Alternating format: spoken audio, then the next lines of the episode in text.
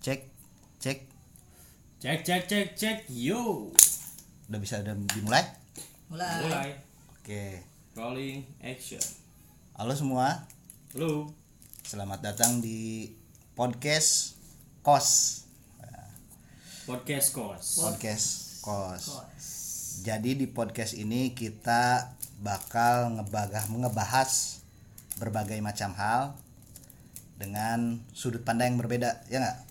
Yuk, Dari perspektif anak kos. Ya. Corona ditinjau dari perspektif anak kos, ya kan? Isu-isu hangat.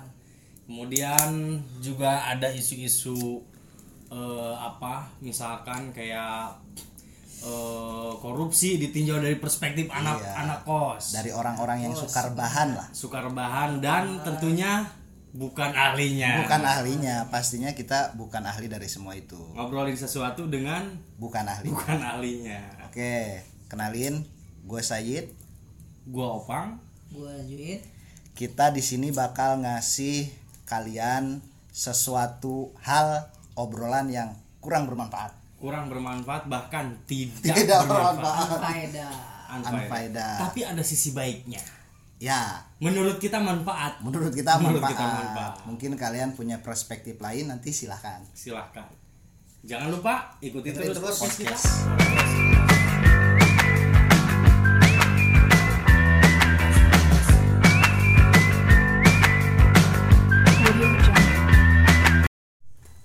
Jadi gini, Bray. Ada beberapa hal yang gua rasakan itu resah lah terkait keadaan kita sekarang. Gue tuh kan ngerantau, gue tuh pengen pulang. Cuman kayaknya untuk sekarang-sekarang itu nggak memungkinkan buat balik ke rumah Takut gitu. ya? Takut. Bukan takut juga sih, terus dilarang juga katanya jangan balik dulu. Padahal ada beberapa hal juga yang yang gua kangenin gitu di rumah. Ya contohnya lah kayak masakan-masakan di rumah gitu kan ya di sini gua bosen juga makan makanan warteg tiap hari makan padang sepuluh ribuan Tiap hari makan mie juga. tiap hari makan mie mulu kita. Corona enggak usus buntu, Bang. merokok dulu lah biar santai Yoi. gimana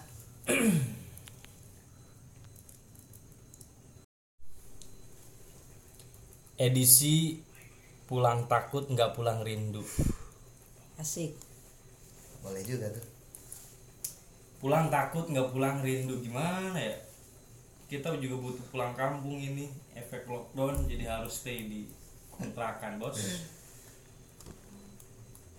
Gimana? Ke- Efek corona ini kayaknya cukup merugikan penduduk Rugi banget. dan kosan. rugi banget pak jangan ngomong kerugian dulu dah ini nih gua tuh kalau ngeliat berita nih gua ngeliat berita Hmm. entah ya kayak di medsos medsos lah Hmm. pusing pak nggak Iya. pusing gimana lu bayangin dari tentang corona semua. ya? iya dari pagi bangun tidur sampai malam tidur lagi isinya itu semua semua. aduh bukannya antipati ya tapi agak stres kan Betul, jadinya betul. gua tuh kayak butuh sesuatu yang baru gitu berita-berita apa kek berita-berita mesum juga nggak apa-apa Berita Itu janda. mah di- tiap hari ya.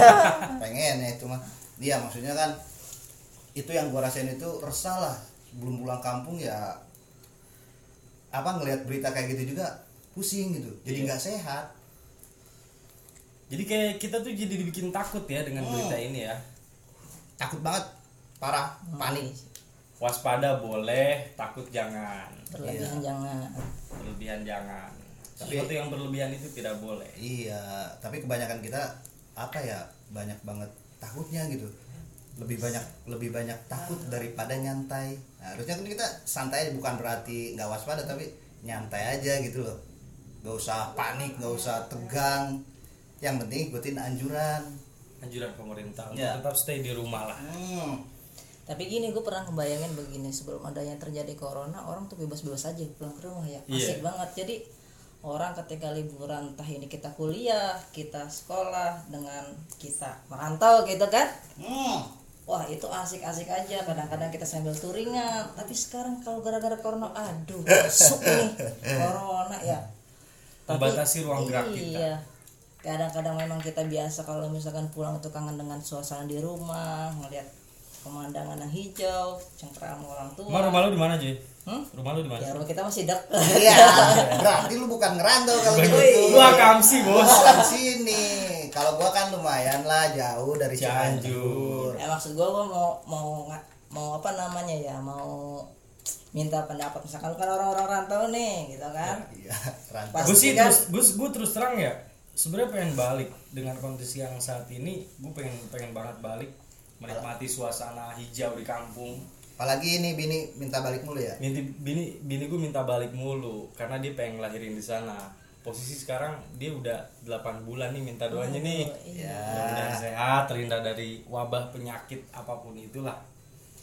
Jadi yang ada yang unik ketika gue pulang ke rumah itu kita itu kayak disambut dengan eh, pesona hijau. Sawah-sawah kebun pohon terus terang daerah rumah bini gue tuh masih asri sekali Orang kampung lah, orang sebutannya kampung orang gitu. kampung ya emang orang kampung. orang kampung tapi nggak kampung Oh, nggak nggak apa-apa. Tapi suka ada juga tuh yang dari kampung datang misal ke Jakarta lah ke kota. sosok kota Sosok kota. ngomongnya which is Waduh, udah berat. Which is man. which is man literally gue sih kayak kayak kayak Kayak apa gitu ya? fuck man apa sih itu sebenarnya gue juga orang akan sih bingung tuh which is which is Which is, which is. seakan-akan apa ya Enggak lu mah emang orang kota. tapi Tapi kampungan, tapi kampungan. kampungan kalau kita orang kampung nggak kota-kota Nggak juga kota-kota sih juga. jadi di daerah rumah gue tuh di daerah rumah bini gue di Purwakarta ada satu kampung dia itu masuk ke tengah eh, ke ke daerah pegunungan di daerah eh, Gunung Bongkok namanya. Di sana tuh di mana kamar mandi itu nggak ada di dalam-dalam rumah cuy. Jadi lu kalau pengen ngintip janda itu gampang Iya. cuy. Serius loh. Jadi ada nama daerah namanya Gunung Bongkok. Di sana itu setiap rumah nggak ada kamar mandinya. Rata-rata kamar mandinya tuh di luar jadi kalau- lu bisa ngeliat dari jalan tuh nenek-nenek lagi mandi janda kembang lagi cuci piring. Enggak kalau kalau gitu. lu mikir begini nih dia dia tahu begini otomatis tahu jamnya Sama. jam berapa kapan aja Enggak. kan? Wah ah, itu. gua sebelum dia di- kagak ngajak-ngajak ke soalnya gue sebelum nikah sama bini gue survei dulu ya pokoknya lu kebayang lah yang gue bayangin di sana pasti orang Bayang sih. boker itu pakai tanah lu tuh. pakai tanah bukan pakai air. saya mobil nah itu tuh yang dikangenin di daerah gue juga sebenarnya punya kampung tapi jarang pulang Lupa pulang. di Jawa ya udah lupa pulang lah pokoknya Jawa jangan lupa jangan lupa jalan pulang juga iya ah, kayak buku siapa itu Kalau sekarang bukannya lupa pulang, Apa tapi susah pulang. susah pulang Ya karena ya keadaan sih. Keada- Bukan berarti nggak pengen pulang, apalagi kan mau Ramadan Ramadan gini mah enaknya balik ya. Oh, iya, Bos. Di di kita kan pengen munggahan sama orang munggahan itu kan eh, sebuah tradisi kalau di kampung gue tuh ada istilah munggahan di mana kita tuh eh, menyongsong bulan suci Ramadan ma- Ramadan Iya, itu iya. makan-makan bareng terus kumpul-kumpul sama keluarga bareng kayaknya sekarang enak ya. Sekarang sekarang nggak bisa ya, ya. sekarang nggak bisa sekarang boro-boro kalau mau pulang juga kadang-kadang udah jangan balik dulu ya Ya gua kemarin digituin katanya, gua mau balik ah. Jangan jangan balik katanya. Udah di sono aja, takut ada virus, tar lu nyusahin orang rumah. Coba.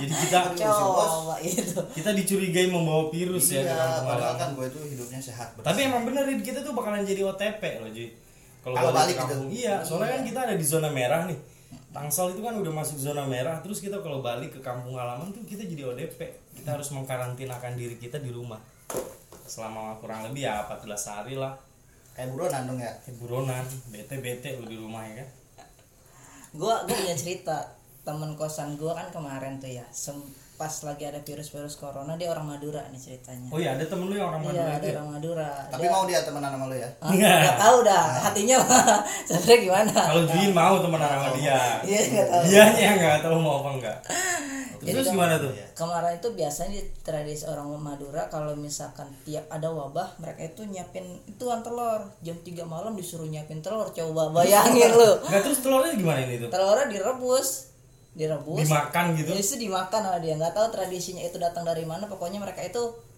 eh, berpikiran bahwa kalau ketika ada wabah tertentu gitu pokoknya sediain telur aja. Telurnya telur khusus telur ayam merah apa gitu pokoknya. Oh jadi ada ayam-ayam Iya, tertentu? ayam tertentu gitu kan. Atau warnanya misalkan agak merah atau apa gitu. Itu temen gue kayak gitu. Unik ya tradisi kayak gitu ya. Iya. Susah dong itu nyarinya ya. susah malam-malam coba. Tengah malam suruh nyari telur. telur aduh Bayangin. Aduh.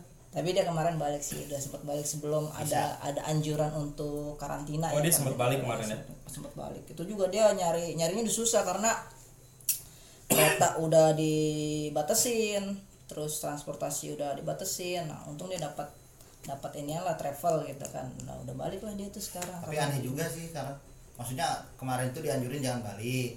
Terus sekarang baru-baru ini katanya boleh balik mudik lebaran ini apa sih sebenarnya Tapi lu bayang gak sih? Oke lah, eh, beberapa di antara kita masih ada yang dapat beasiswa dari orang tua nih ya kan, Iya, setiap iya, bulan iya, dikirimin.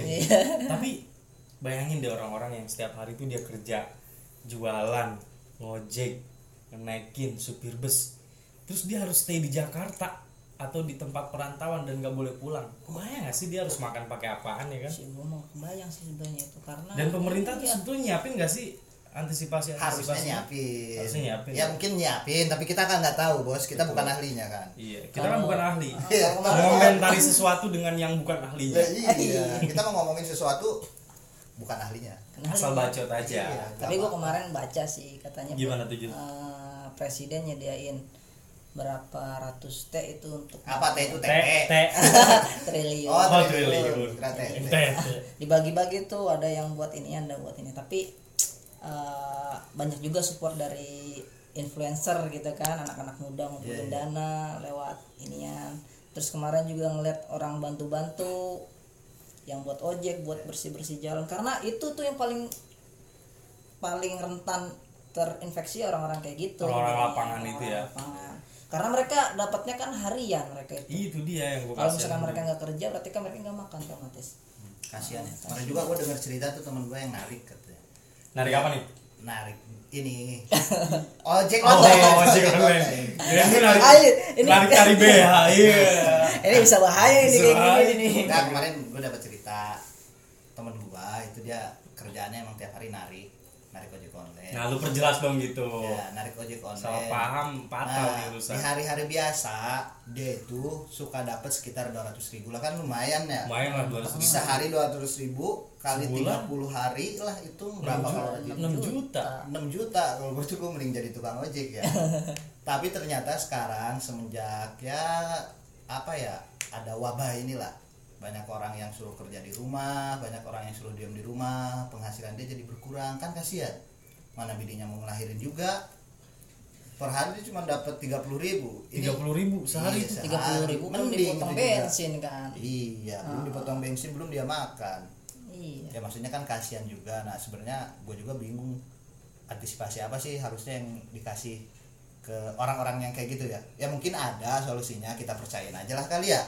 Nah, iya. Tapi gini bos, gue rasa sih dengan adanya pandemi corona ini ya, eh, apa jiwa kemanusiaan orang-orang yang semakin diuji ya iya jiwa Mana- kemanusiaan gitu sema- semakin diuji. Bener banget. Dan juga orang-orang kayak itu dia tuh jadi ikut eh, apa membelanjakan hartanya gitu untuk Iya. para orang-orang yang membutuhkan. Gue tadi ngeliat di berita, jadi ada eh, aliansi pengusaha limbah di Bekasi, dia mendonasikan eh, APD alat pelindung diri buat tim medis itu de- de- dengan angka yang cukup fantastis gitu.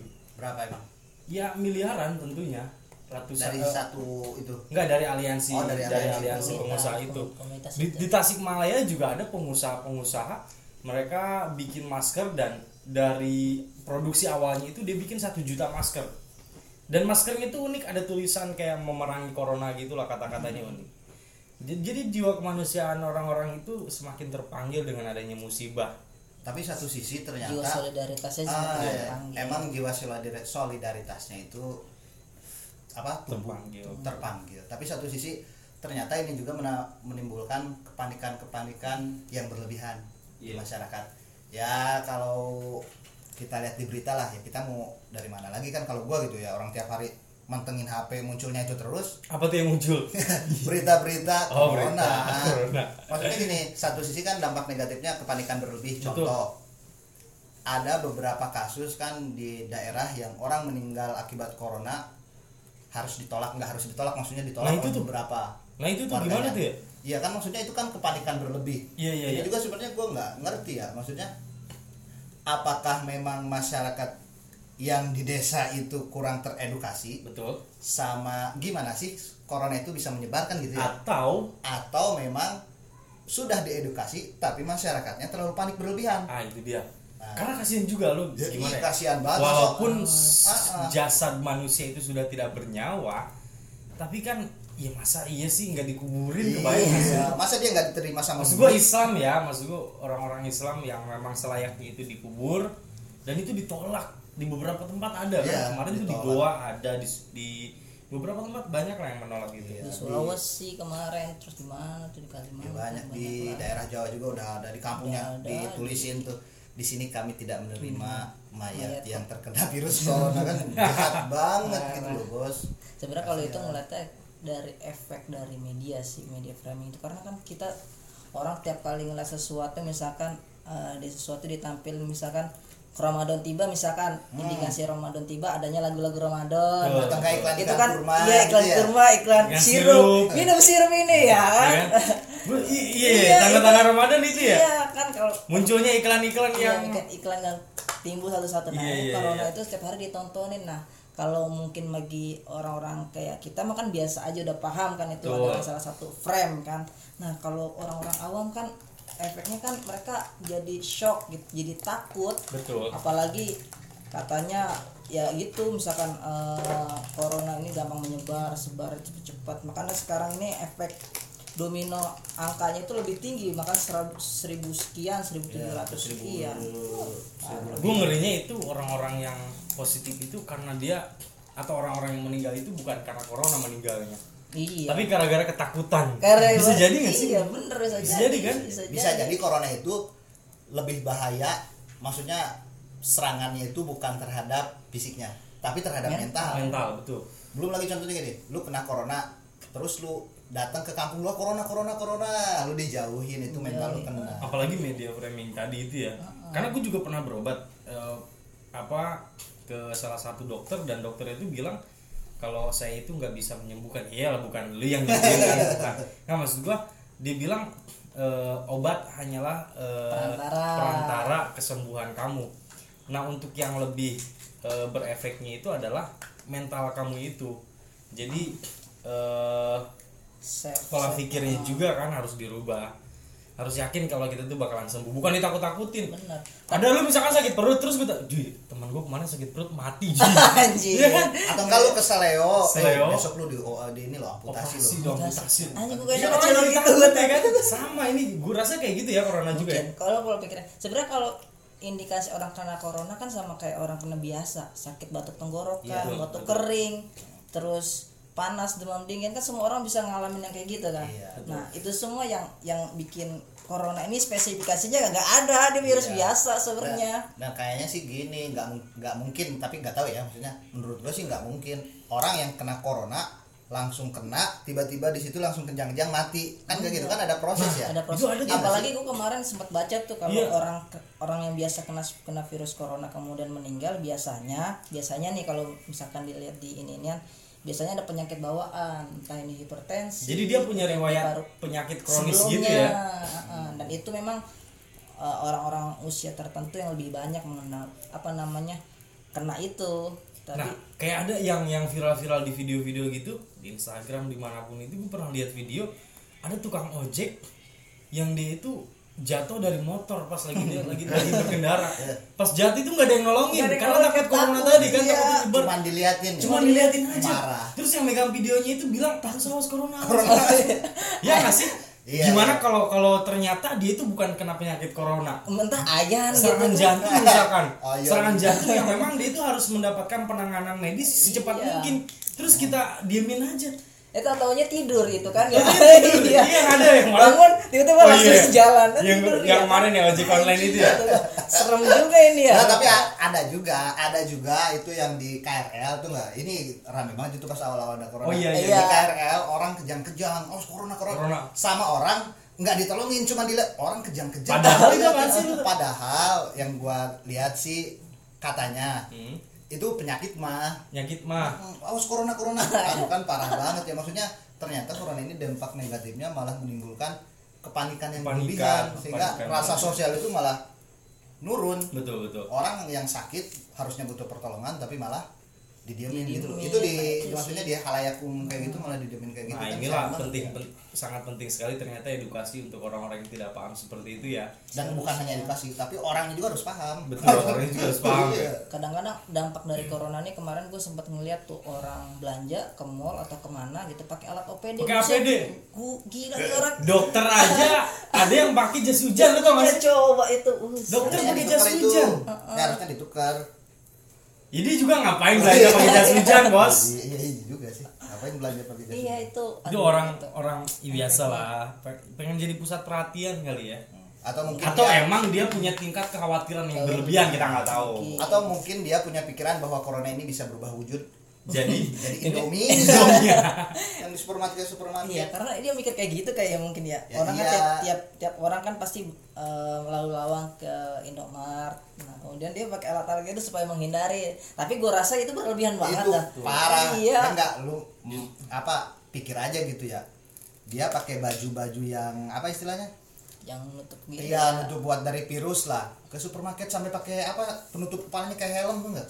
Nah jadi itu, ya itu dia belum belum belum pernah disumpahin nih kali sama orang-orang supaya sleting dia bisa ke, kebuka dia. Tapi panas gini- panas loh itu dia. Tapi gini Joy, dan ternyata be- beberapa eh, apa berdasarkan informasi, jadi orang-orang di sekitar supermarket itu, terutama yang ada di dalam supermarket, dia risih dan takut itu bukan karena dia pakai APD itu, dia itu takut kalau yang belanja itu adalah eh, perawat atau dokter yang menangani pasien COVID, terus dia belanja itu yang dikhawatirin tuh, terus dia bawa virus ke mana-mana, dan ternyata pas di, setelah dikonfirmasi itu orang-orang biasa aja yang iseng pakai-pakai APD gitu.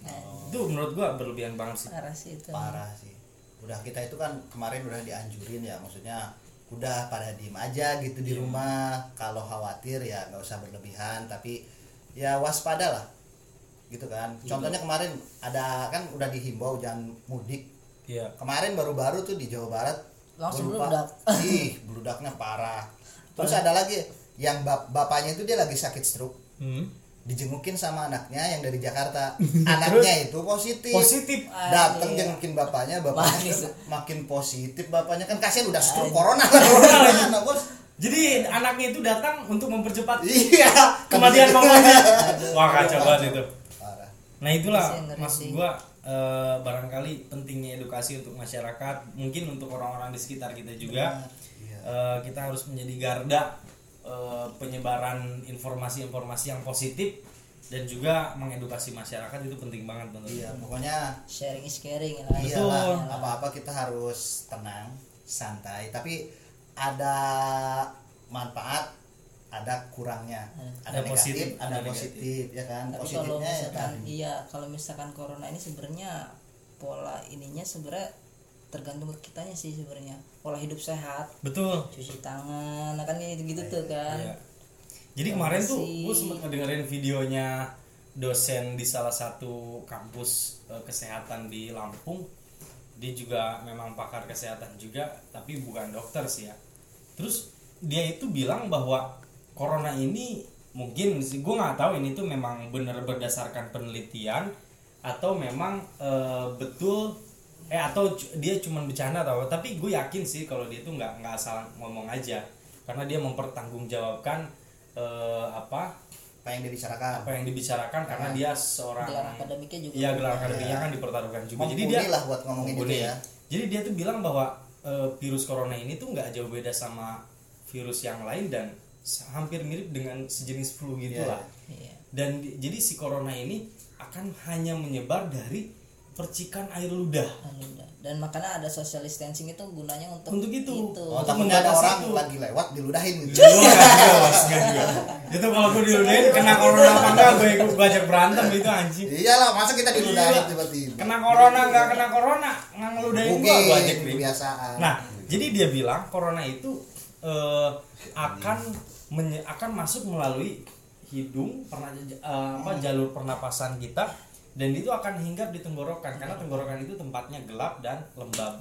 Artinya kalau corona ini bertahan hidup di tempat yang lembab berarti anjuran pemerintah untuk berjemur itu penting juga. penting. Nah itu juga jadi alhamdulillah nih pagi-pagi Ya. berjemur. paling ya enggak ya paling enggak eh, dampak positif buat gua sendiri sih Hmm. ya semenjak ada anjuran-anjuran apa suruh diam di rumah ya kan ya kan kita suruh diam di rumah itu supaya bersih bersih ya Betul, Ya, bukan ini tidur. bukan tidur ini suruh suruh diam di rumah bersih bersih malah jarang mandi Malah jarang mandi. Iya. tapi positifnya buat gua akhirnya gua bisa usahakan selalu bangun pagi Jemur. berjemur. cuci tangan gua akhirnya rajin cuci tangan biasanya gua Iya. kalau habis makan nasi padang gua langsung ini aja Garuk-garuk ya kan. salaman sama orang Salaman sama kalau orang. nggak habis cebok langsung makan Makan. tapi akhirnya Cuci tangan ya. cuci tangan setiap mau masuk ke tempat perbelanjaan mau Alfamart mau warung-warung biasa juga akhirnya di sana suruh ada anjuran silahkan cuci tangan anda dulu akhirnya gue cuci tangan mau nggak mau karena takut tapi nggak berlebihan Iya. Jadi- nah ngomong-ngomong jadi cuci tangan, apa bener katanya kita harus selalu pakai apa tuh hand sanitizer itu? Sebenarnya enggak ya. juga ya sebenarnya kalau misalkan Pakai sabun, sabun cukup, juga cukup cukup kan? Dan nggak perlu sabun cair juga, batang batangan juga Bisa. cukup kan? Coba pakai ini aja pakai soklin So clean ya. Iya. biar licin biar wangi Licin-licin tuh enaknya di. ini ada iklan jangan nggak boleh Sudahlah, sudahlah. Wah. wah nggak apa-apa Nggak apa nggak apa. Kode etik jurnalistik. Eh, tapi yang mudah-mudahan pandemi ini cepat berlalu. iyalah Terus kita eh, bisa pulang kampung, bertemu dengan keluarga-keluarga di rumah dengan kondisi sehat walafiat. Ya. ada beberapa hal sih yang gua rasa menjadi hal positif yang bisa kita ambil Apa? dari kejadian ini pertama kita harus rajin bersih bersih Bersih-bersih, itu perlu betul. yang kedua Nggak kena nggak ada corona atau Ah. ada corona bersih-bersih bersih perlu bersih ya. harus dan yang ketiga eh, kita tidak boleh memandang seseorang itu selalu negatif Betul. ya kan biasanya kita kalau ngelihat orang yang rebahan terus wah dasar lu pemalas gitu Iya, kan iya, betul. wah lu tidur mulu lu sampai gepeng tuh pala Sekarang gunanya rebahan sekarang kan ternyata mereka punya dedikasi yang. Dedikasi. ya, akhirnya kan ya walaupun gimana pun kita nggak suka sama orang itu jangan kita selalu justifikasi Betul. jelek Betul. siapa tahu kita butuh contohnya kayak sekarang tiap hari rebahan Tiap hari rebahan. tiap hari rebahan sampai mungkin mungkin adanya corona ini dia bikin tutorial rebahan yang baik dan benar. cakep Ya gitu ya. Ternyata ada baik positif dan negatif Iya. juga. Jadi segala sesuatu itu harus kita ambil hikmahnya Ambil dan satu lagi sebenarnya kita Apa? harus turut serta dengan pemerintah. Anjurannya kita ikutin. Betul. jangan. Pulang lu janganlah. Khawatir memang kan ini kan belum selesai bakal jangka panjang. Karena belum ada tes juga. Belum tahu nih gua ketemu positif sama atau negatif. teman satu ini kita ada kena corona atau nggak tahu. Kan juga kita di sini tahu. ada corona. iya kan? Jangan-jangan gue juga positif. Nah kayaknya nggak ada yang tahu Positif.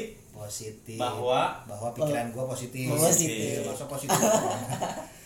Lu mah positif corona enggak ini HIV nah dibilang jangan Jangan, jangan. jangan. Semoga kita jangan. dijauhkan lah ya Iya ya. kita mudah-mudahan dijauhkan dari Amin, segala amin. penyakit ya bukan kita doang tapi kalian semua kita semua yang mendengarkan Iya. kita harus disehatkan Buat para pendengar juga mudah di mana pun anda berada, semoga selalu dijaga oleh Tuhan yang Maha Esa dan dilindungi dari segala macam bahaya. ya itulah obrolan kita kayaknya nggak bermanfaat. kali ya manfaat Karena ya kita bukan pakar. kita bukan bakar kita ngomong kalian itu dengerin masalah corona bukan dengan ahlinya Ah, Terima kasih sudah mendengarkan. terima kasih terima kasih Jangan kapok. jangan kapok pokoknya terus dengerin podcast Stay. kita stay at podcast kita dengerin di mana ntar di ya. Spotify